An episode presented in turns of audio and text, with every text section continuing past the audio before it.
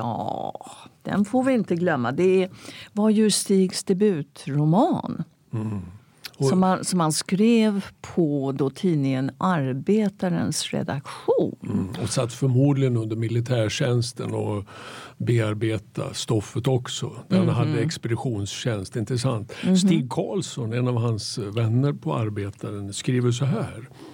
Jag glömmer inte den dagen när jag kom upp på Klara Folkets hus och in i kulturredaktionen. En lokal där man fick skära sig fram med svärd genom tobaksdiset. Stig hade fått de första exemplaren av Ormen. Det här är 1945 från Steinviks förlag.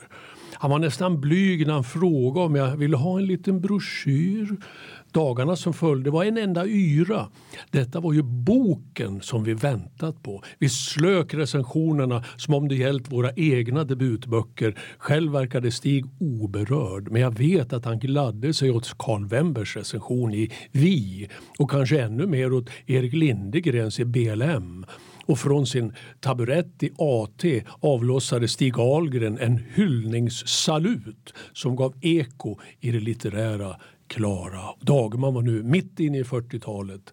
Hans flödande produktivitet kändes nästan bedövande och ändå var det ingen som riktigt märkte att han arbetade. Jag tror aldrig jag träffat en så ojäktad människa. Han hade tid att prata om allt mellan himmel och jord men till slut blev det väl de närmaste vännerna. Ja, de blev för många. Han tydde sig mer och mer till ensamheten dit egentligen bara Werner Aspenström fick tillträde. Werner bodde sedan flera somrar på Kymmendö. Stig kom dit och hyrde en stuga där Strindbergs Karlsson en gång bott. Men nu var han redan efter en bok etablerad författare. Ja, Stig är ju då hela 21-22 år gammal. Mm, en mogen skribent, ja, författare, ja. inte sant? Men han har jobbat flera år eh, som journalist och då samlats med den här gruppen gruppen av andra eh, skribenter på den syndikalistiska tidningen Arbetaren i Klara-kvarteren. Och eh, det är ju här så mycket diskussioner förs. Och det, jag tror att det blir som en av Stigs viktiga skolor. Mm. Och han har ju kallat just Arbetaren och dess redaktion sin andliga födelseort. Mm. Stig kom tidigt till syndikalismen. När han flyttar till Stockholm, han är 11 år och han flyttar till sin pappa där. Och farfar, Helmer, min farfar alltså, han var ju syndikalist. Och när mm. Stig är 13 så tar han med honom på syndikalistmöten. Och det här är ju då snart när det spanska inbördeskriget bryter ut. Och det är många från Sverige som, eh, som ger sig iväg för att då bli del av den internationella brigaden. Så att hela det, när Stig växer upp, också det här liksom mansbilden. Att man går ut och man kämpar för det som är rätt och man är villig att dö för saken. Mm. Så att han har ju skrivit just om att när han hör då Internationalen på något av de här mötena hur det blir som en omvändelse för honom. Att ja, men det är klart, syndikalismen, det är ju det jag ska bli. Sen har han ju skrivit senare om om det och sin, eh, sitt förhållande till anarkismen och syndikalismen. Han säger vid någon tidpunkt här jag skulle vilja säga att jag numera, och det, är, det här är några år senare har utbytt begreppet ångest mot medvetenhet. Att leva medvetet innebär för mig att nå frihet. Att inte låta sig gripas av psykoser. Att vara sig själv, vara individ i massan utan att vara antidemokrat. Och denna syn, betonar då Stig, sammanhänger med hans syndikalistiska principer. Produktionsordningen ska vara rättvis men individen får inte påtvingas en gemensam ideologi. Och det är väldigt intressant. Alltså. Det där, och den här balansen individ-kollektiv och mm. frågor om är friheten möjlig eller är det så att min frihet alltid begränsar någon annans frihet? Det, det, är hela tiden det här som det, oavsett vad, om det var romaner eller mm. något annat han skrev så är det de frågorna som man snurrar kring. Mm. Mm. Jag tycker det är intressant just nu då att Ormen, debutromanen alltså, översätts i både Italien och Ryssland. Mm, Ryssland? Ja, men du vet, det är det att de här frågeställningar, mm. frågeställningarna är då de som känns centrala mm. där. Mm. Ska vi läsa lite ur boken? Ja.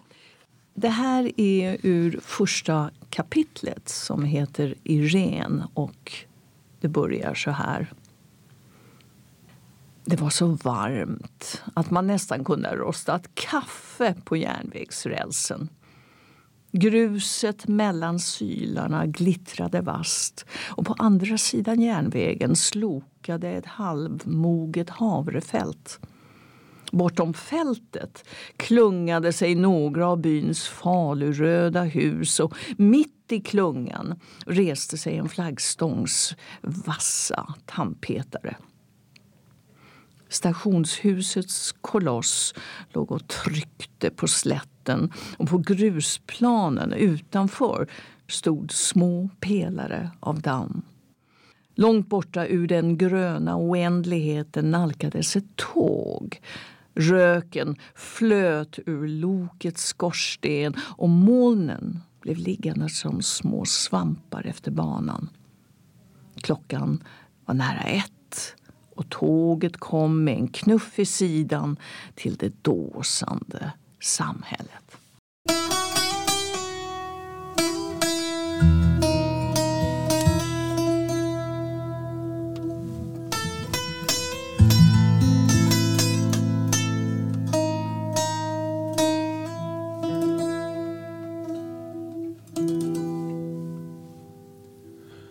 Där rälsen. Den där, just den där rälsen, där la man en femöring. Som barn och vi var livrädda att tåget skulle komma liksom för fort. Och ibland hittade vi de där mynten vi hade lagt på rälsen. Vi la aldrig någonting större än en femöring där. Men det var hett. Jag minns den där hettan och den doften av hetta. Alltså. Mm. Det är ganska intressant. Det är lite så här illavarsel. Ja. Oh, ja. Trycket. Ja. Va? Mm. Och molnen och alltså de här, hela den här bild, mm. mm. bilderna. Va? En som påverkade starkt av den här romanen det var ju Jean-Marie Gustave Leclésio som fick Stig Dagerman-priset 2008. Ja, han fick romanen sig tillsänd av översättaren C.G. Bjurström. Mm -hmm. Och han blev fullständigt upptagen, alltså insläppt och upptagen och nästan uppäten av boken. Han skriver så här. Hej Stig Dagerman. Jag tog den okända boken och la den på bordet. Jag tittade på den en stund. En gul rektangel som lyste mitt på det svarta bordet. Glödlampan upplyste den brutalt uppifrån taket. Och den var ett hårt och kompakt block mitt i natten. Precis som en tegelsten som tyngde på ytan där det inte fanns någonting annat. Jag såg också vad dess ord skrivet på det gula omslaget med stora svarta bokstäver. Stig Dagerman, Ormen, roman. Sidan mitt emot försättsbladet var också alldeles vit bortsett från en liten tryckt rektangel och jag läste det som stod där utan att tänka på något och orden trängde sakta in i mig. De myllrade som ohyra och jag begrep på något sätt att jag skulle läsa boken. De tätt hoptryckta orden, liknande de som står på baksidan av ett vykort, var levande. De sa vart och ett av dem med sin kropp av små hopkrupna tecken. Är dikt ett sällskapsnöje då vill jag med svärtad fot gå ut i skymningen och göra mig till vän med ormarna och den lilla grå ökenråttan. Är dikt ett livsvillkor för någon, glöm inte sandalerna hemma. Se upp för stenrösen. Nu jagar ormarna min häl. Nu äcklar mig öknens råtta. Mm, dikten ska inte vara något sällskapsnöje. Det ska handla om de verkliga frågorna. Den ska föra oss framåt. Och det är underbart med Luclesios egen läsning av boken som blir så fysisk. Mm. Och jag undrar om det har någonting att göra med, han är yngre naturligtvis, Eh, men att för honom, det krig som för honom levde, som han levde med, det var ju Frankrike i Algeriet. Just. Så att hela den här krigsproblematiken och kriget som hänger mm. över ens tillvaro mm. som en ung människa mm. var något som kändes nära. Och, och, för, för, förutom det här då att han är skribent, då, mm. hur använder jag mitt författarskap i mm. världen? Och också det här kvävande mansidealet. Va? Mm. Militaris, eh, militarismens mm -hmm. avskalande av humanistiska, empatiska sidor. Mm. Därför att målet är att överleva och döda den andra först. Mm. Annars så dör jag. Och det, Leclésio har ju skrivit mycket om de här sakerna. Och även hur benägenheten att stöta bort de som är annorlunda det har jag skrivit väldigt mycket om. Mm. Och släktskapet med, med Stig, Stig. är ju ja. ganska kraftigt skulle jag vilja säga. Mm. Ormen annars, den, är ju den är uppdelad. Det är ju två, två berättelser kan man säga. Och den här skriver som, är, som på ett sätt kan sägas vara Stig själv. Skriver, skrivaren. Precis, precis. Och som är modig och som prövar sin manlighet eller mänsklighet eller vad det nu är. Och gör saker som kanske är lite för farliga. Mm. Eller hur? Mm. Men vad som är så underbart också med Le Clésio i den här recensionen som han skriver att den har ju titeln Hej Stig Dagerman. Mm. Det är liksom den direkta mm. dialogen. Uh, du är här, jag sätter mig ner vid ditt bord och nu kör vi. Just och de går, mm. författare och läsare går ihop mm. Mm. och blir varandras ansvarigheter. Eller vad man ska säga. De har, de har rätt kul ihop fast det är jätte jättesvårt. Ja, Eller ja. hur? Är, oj, vilket jävla liv! Men mm. det är det enda liv vi vet om. Ja, ja. Nej, men mycket, mycket spännande. Med Stig och syndikalismen som vi kommer att berätta om i ett annat program och som många känner till är ju att Stig senare i livet säger sig sakna tro. Så att den här tron på ett visst system eller ja, det, den, den kommer försvagas i honom. Eh, men han kommer då under när det kalla kriget liksom utvecklas och syndikalismen som världsrörelse har ju blivit oerhört marginaliserad efter andra världskriget. Stig då eh, polemiserar mot svenska marxister som ser, han då citerar den svenska anarkisten som en borttappad romantiker med djupt rotade liberala komplex. Och Stig säger då att ja, det har jag, jag har inget problem med det alls. Och han kallar sig nu det omöjligas politiker. Mm. För en vision måste man ju ha.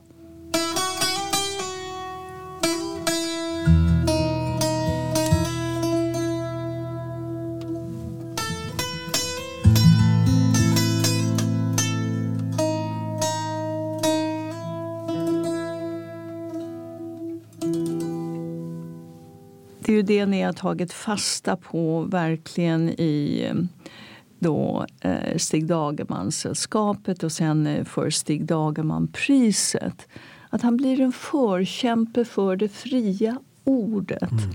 Och redan 47 då så protesterar han på ett möte mot eh, Sovjetunionens dominans över Östeuropa.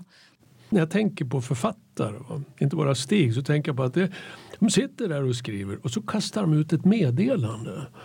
Och när meddelandet väl är ute, ibland har jag tur som tar emot meddelandet. Ibland är det någon som berättar, en bibliotekarie som berättar mm. eller en kompis eller en mm. recension i en tidning. Men så fort jag tar emot det så är jag delaktig. Och det är mm. lite som Luclesiot skriver här. Och det, Den kraften och det ansvaret, ibland gör det ont utav detta. Men ofta så förnimmer jag ändå att lite förståndigare blir jag. Lite mer sansad, lite mindre benägen att kategorisera stenhårt svart och vitt. Mm -hmm. Nyanseringen mm. inträder. Mm. Och här tror jag en av Stigs kvaliteter finns. Att aldrig säga att så här är det. Mm. Jag vill veta mer. Precis. Jag precis. vill veta mer. Hjälp mig. Hur lever vi i en komplex värld? Mm. Ja, Ormen kan kanske ses som en beredskapsroman. Stig låg ju då i beredskapen under andra världskriget och i och för sig så fick han en vapenfri tjänst och eh, satt då på något skriv, vid något skrivbord tillsammans med Lars Alin, en författarkollega. Och de hade då mycket roligt och ett nära det verkligen nära, nära brödraskap mellan dem under de här åren. Och där tror jag Stig stimulerades fantastiskt att skriva. Och som avslutning en eh, dagsedel från 1944. Lasse Liten. Gjord alldeles för dig vid detta tillfälle.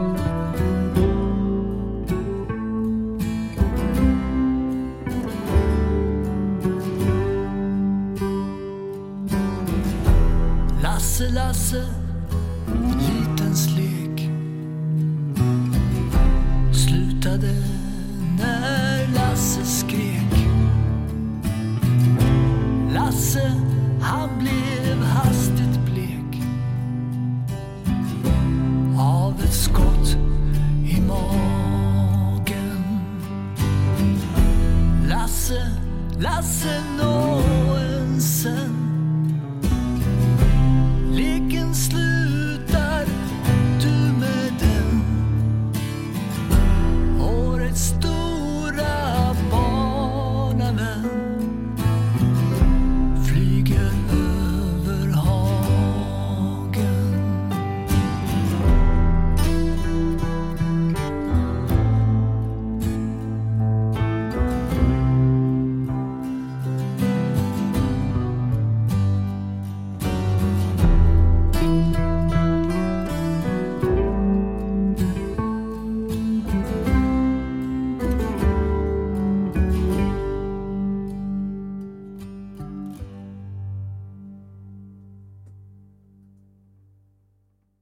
Du har lyssnat på Dagerman-podden, en samproduktion mellan Bibliotek Uppsala, Region Uppsalas projekt Växelspel, Lo Dagerman och Bengt Söderhäll.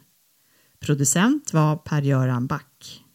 Musik Bengt Söderhäll, Urban Forsgren, Daniel Östersjö och Per-Göran Back. Tack för att du har lyssnat.